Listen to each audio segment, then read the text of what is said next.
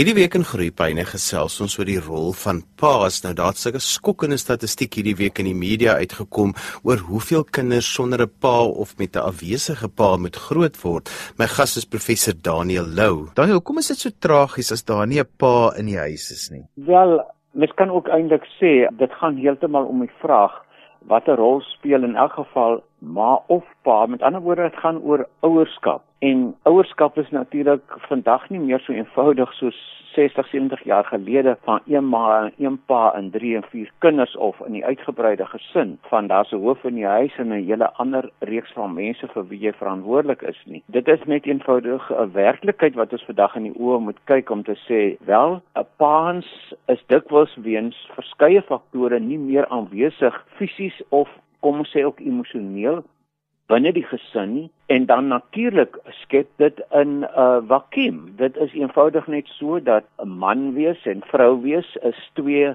om ons sê aanvullende faktore vir ouerskap en dit bring natuurlik in balans en dit versterk natuurlik ook die verhoudings tussen ouers met betrekking tot hulle kinders. So natuurlik is dit 'n hartseer saak as 'n mens vandag die feit in die oë moet kyk dat paans is baie keer net nie meer daar nie en dit is tragies. Dan nou maar baie keer en dit is nou verskriklik om dit te moet sê, is dit ook vir baie gesinne 'n verligting as die pa nie meer daar is nie. Is dit nie so nie want ek het al baie keer gehoor dat die pa nie regtig voldoen aan die rol wat 'n pa moet voldoen nie en dan sit dit die huishouding baie keer onder druk as hy daar is. Wel, dit het natuurlik nou mode geword om te praat van die afwesige pa, nê. Nee. En dit is vir my eintlik soms meer 'n vraag nie oor die afwesige pa nie en hoekom is die pa afwesig en nie daar nie? Ek bedoel 'n mens kan nou maklik die haalgeweer neem en met haal skiet op paas en op mans en hulle is die sonnebokke en hulle is verantwoordelik vir al die geweld. Hulle is verantwoordelik vir die probleme in die HIV krisis wat ons het. Hulle is die gewelddadenaars. Hulle is die mense wat vroue verkrag. Hulle is die mense wat kindertjies, ja, ek wil nie amper sê moeg en doodmaak nie, maar klein kindertjies ook verkrag en 'n mens staan verslae teenoor wat gebeur. So dis nou 'n mode geword om die vinger te wys na die paans en die afwesige paans en die vaders wat nie daar is nie. Mens kan verwys vandag ook na jou ekonomie, die markgedrewe ekonomie. Kom ons sê ook die hele totale globalisering van die wêreld wat op 'n sekere sin mans nie, nie net mans nie weggeneem het uit die ou tradisionele forme van die gesin. Maar wat ek reg wou beklemtoon is nie soms die probleem van 'n afwesige vader nie, maar die probleem van 'n teenwoordige vader. Mens kan sê die verwarrende aanwesige vader En ek kan miskien net daaroor 'n bietjie verduidelik. As as mense nou vat my eie pa hier uit die Tweede Wêreldoorlog en net daarna, daar was min of meer afgebakende rolfunksies.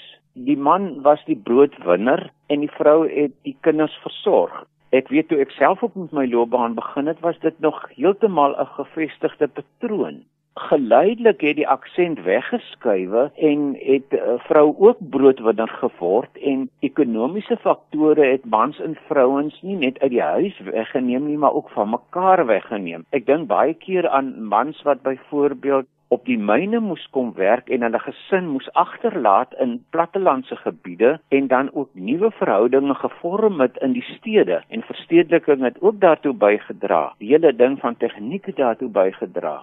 En op die oomblik sou jy kon sê dat in die ou gevestigde tradisies was die manlike rolle gedefinieerd geweest. Jy het geweet wat jy doen en jy weet jy sny die gras en jy was jou motor en jy het sekere basiese funksies. Op die oomblik het dit geword dit het so versprei geword die funksies dat dit is nie meer afgebaken nie.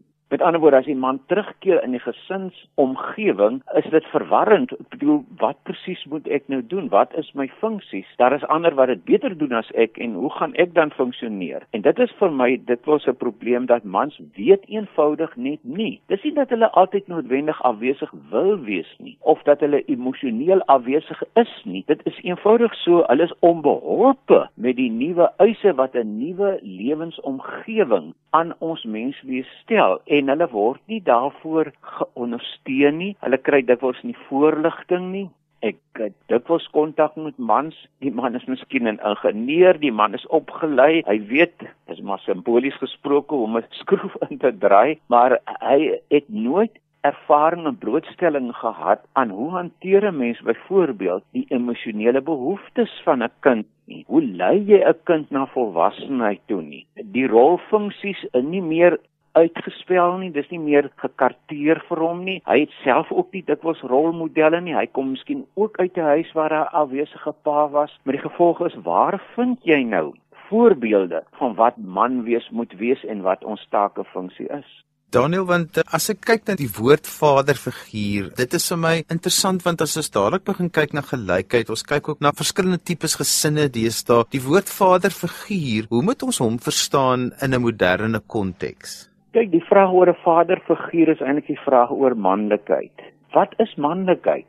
Ek meen, wanneer is jy 'n manlike man? Jy kan sê die vaderfiguur of die gedagte van 'n vaderfiguur kom nog baie sterk uit. 'n vroeëre kom ons sê kulturele of sosiale omgewing kom ons noem dit die patriargale omgewing. Die patriargale omgewing daar is iemand wat die hoof van die huis is en dit is dan die man wat 'n buitengewone verantwoordelikheid het. Jy kry dit ook uit die Ou Testament uit die gesin is 'n ekonomiese eenheid en die man is verantwoordelik vir daardie ekonomiese eenheid of die funksionering van daardie eenheid. Met die gevolg is daar is faktore ingebou wat hom verskans het en gehelp het, soos met ander woorde respek vir so 'n figuur, ondersteuning aan so 'n figuur en die figuur kon funksioneer. Jy kry dit nog baie dikwels in baie van ek kom oral in Afrika werk ek en die patriargale stelsel is nog sterk in baie plattelandse gebiede. Ek herinner my baie goed dat die huidige regering het ongeveer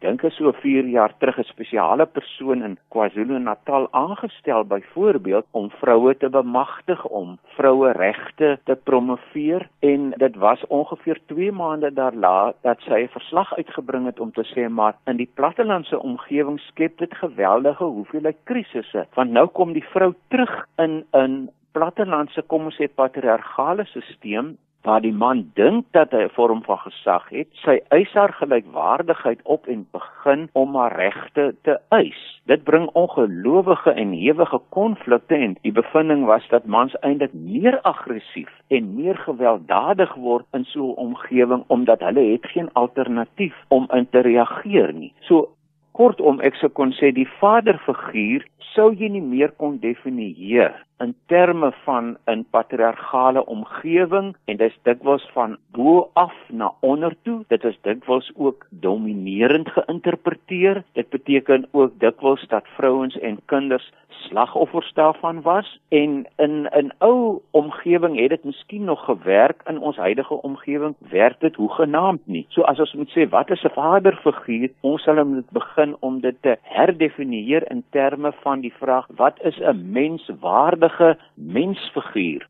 En dan sê jy ook weer moet gaan vra maar wat is manlikheid? En ek dink dit is op die oomblik ons krisis. Hoe definieer of hoe omskryf jy manlikheid op 'n sinvolle manier dat mense en veral dan ook dan mans weer daarmee geïdentifiseer kan word? Ek kan miskien hier 'n voorbeeld noem. Ek dink een probleem wat ons op die eh, in die gesig moet staar is wat ek wil noem ons lewe in 'n tydperk van wat ek wil noem goedkoop demokratisering. Ek wil amper sê dis 'n soort van 'n verbottering van menseregte.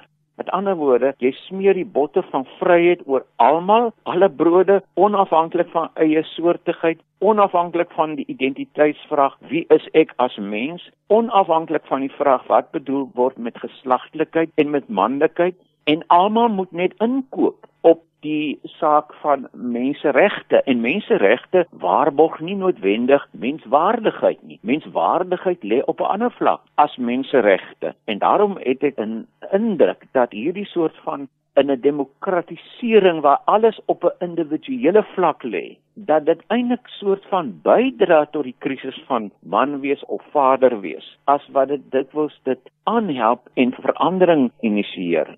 'n Ander ding wat ek ook wil noem is die soort van politieke korrektheid dat gelykwaardigheid beteken almal is nou dieselfde, né? Almal moet denim dra, almal moet dieselfde op tree en asof daar nie verskille is nie. En ek dink dis deel van die krisis. 'n man is 'n man en 'n vrou is 'n vrou. Daar is faktore. Jy kan sê dis geneties jy kan sê biologies fisiologies jy kan sê dis kultureel jy kan sê dis in 'n sosiale omgewing ingebed. Daar's verskeie faktore wat daartoe bydra. Die feit is net daar is verskille en ons moet weer na hierdie verskille kyk. Hulle probeer identifiseer, hulle formuleer in terme van die besondere kulturele omgewing waarbinne dit funksioneer en kyk of ons nie mans kan help om weer opnuut 'n nuwe raamwerk of 'n manier van dink te ontwikkel oor wie is ek as man nie. My gas vandag is professor Daniel Lou en ons gesels 'n bietjie oor die rol van paas Daniel, kom ons praat oor pa wees in die toekoms in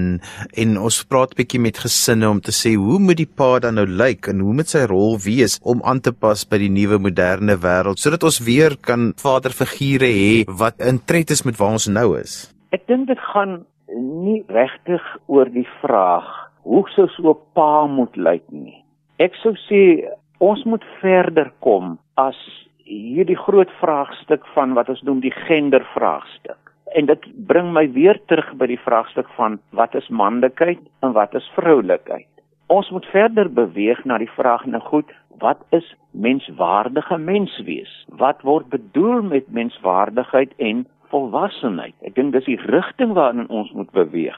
Maar dan moet ons tog ook kyk na hoe ons huidige, kom ons noem dit geglobaliseerde samelewing, kyk na mans en man wees. As jy byvoorbeeld nou kyk, daar's vreeslike mites rondom, jy weet wat moet 'n man wees, nie? Meen dit 'n man is nou iemand wat uh, aggressief optree en sy identiteit moet vind binne bendes of bendegeweld beteken man wees onbeskoftheid beteken 'n man wees om so sportmoraal, 'n soort van 'n kom ons sê 'n David Beckham mentaliteit te moet ontwikkel en jy uh, speel in die groot spanne van die sokker en almal maak so en daar probeer jy jou manlikheid bewys en oorwinnings behaal en prestasies te behaal en dit kan miskien vir jou 'n alternatief wees op manlikheid waar die patriargale stelsel nie meer werk nie. Ontvlug na die sport toe of beteken manlikheid die donkerbou pak wat jy dra in die sakewêreld en almal lyk so en almal lyk so gepoleerd? Ek sou sê nee.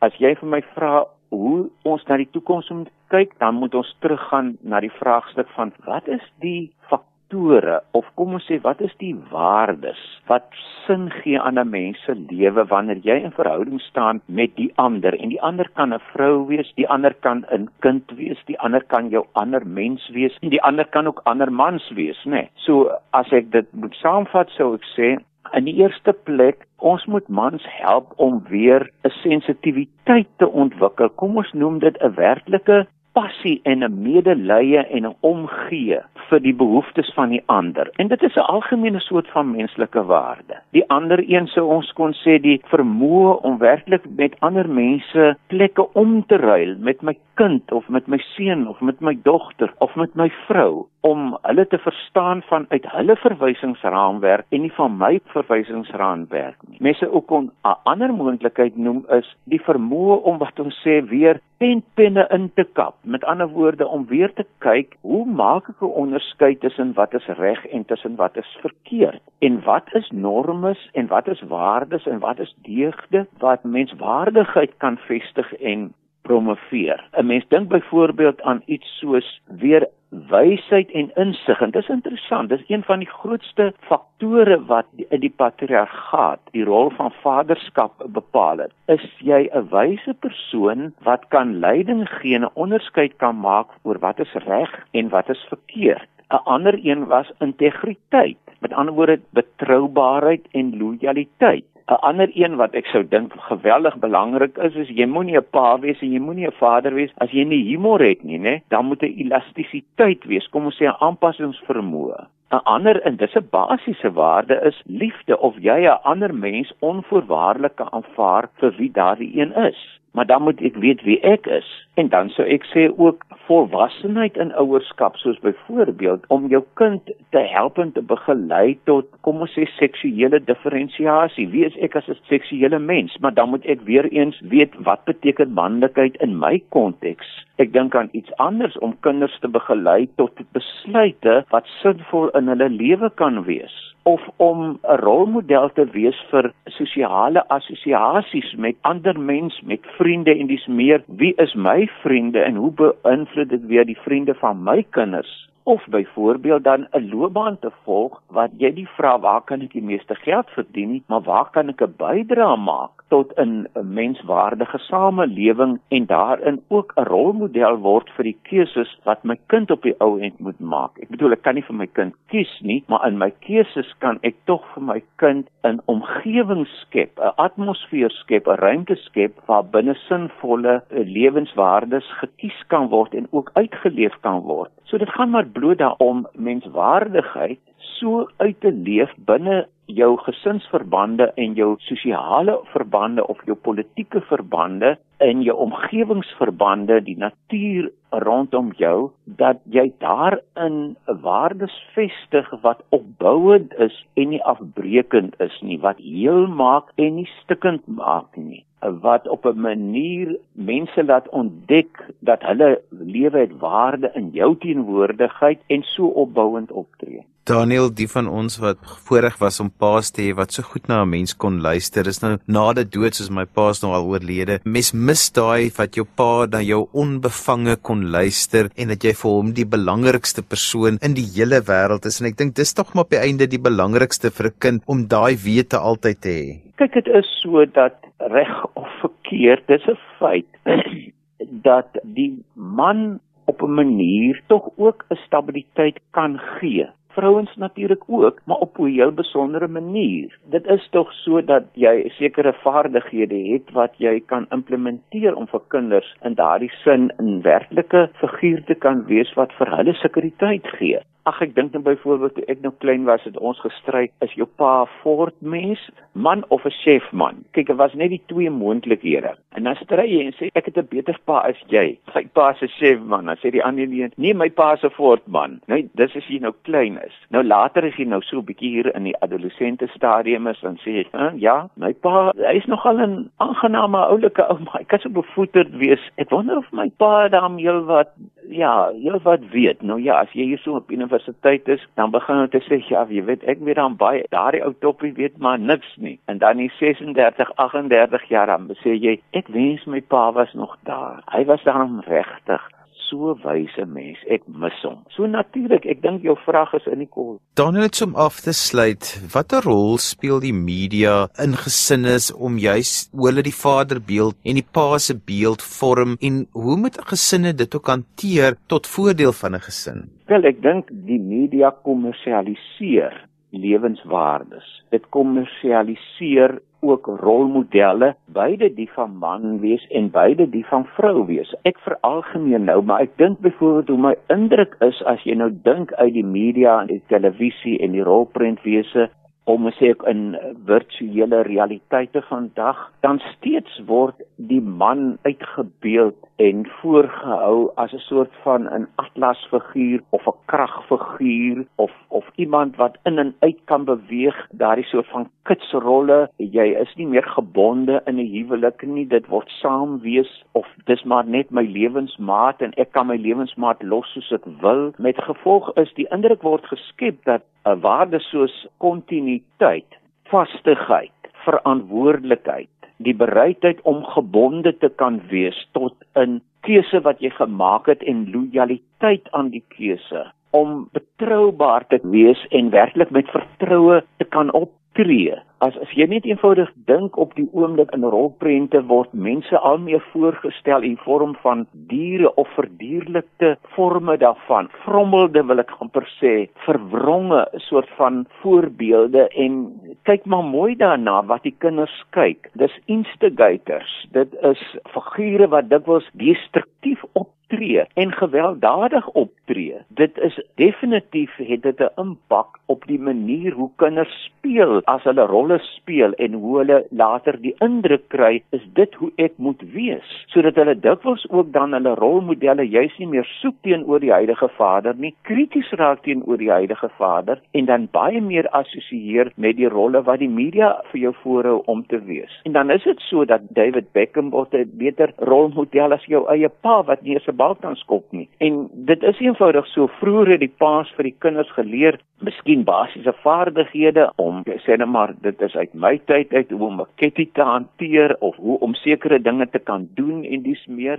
vandag is dit net eenvoudig nie meer daar nie die vaardighede is oorgeneem deur buiteinstansies en die vader het ook nie eers meer daardie rol vergee nie. So ek sou sê ons kan die media nie ontduik nie. Ons kan hulle invloed nie sy stap nie. Dit is onvermydelik. Ons gaan ook nie hulle raamwerk verander om sê nou byvoorbeeld beter voorbeelde of morele waardes voor te hou nie want dit verkoop nie. Dit trek nie meer aandag nie. Wat ons dus dan sal moet weet is hoe om kinders in hierdie omstandighede met gesprekke en ja weer eens om jou rolmodel uit te speel alternatiewe te bied wat vir hulle help om ander keuses te maak. Jy kan hulle nie verplig daarvoor nie, maar jy kan wel vir hulle sinvolle voorbeelde vestig. En daarmee het ons aan die einde gekom van vandag se groeipyne. Ons het vandag gesels oor die rol van paas en my gas was professor Daniel Lou. Onthou jy kan weer na vandag se program luister as 'n potgooi. Laai dit af by rsg.co.za. Skryf gerus vir my e-pos by groeipyne@rsg.co.za. daarmee groet ek dan vir vandag tot volgende week van my Johan van Lille. Totsiens.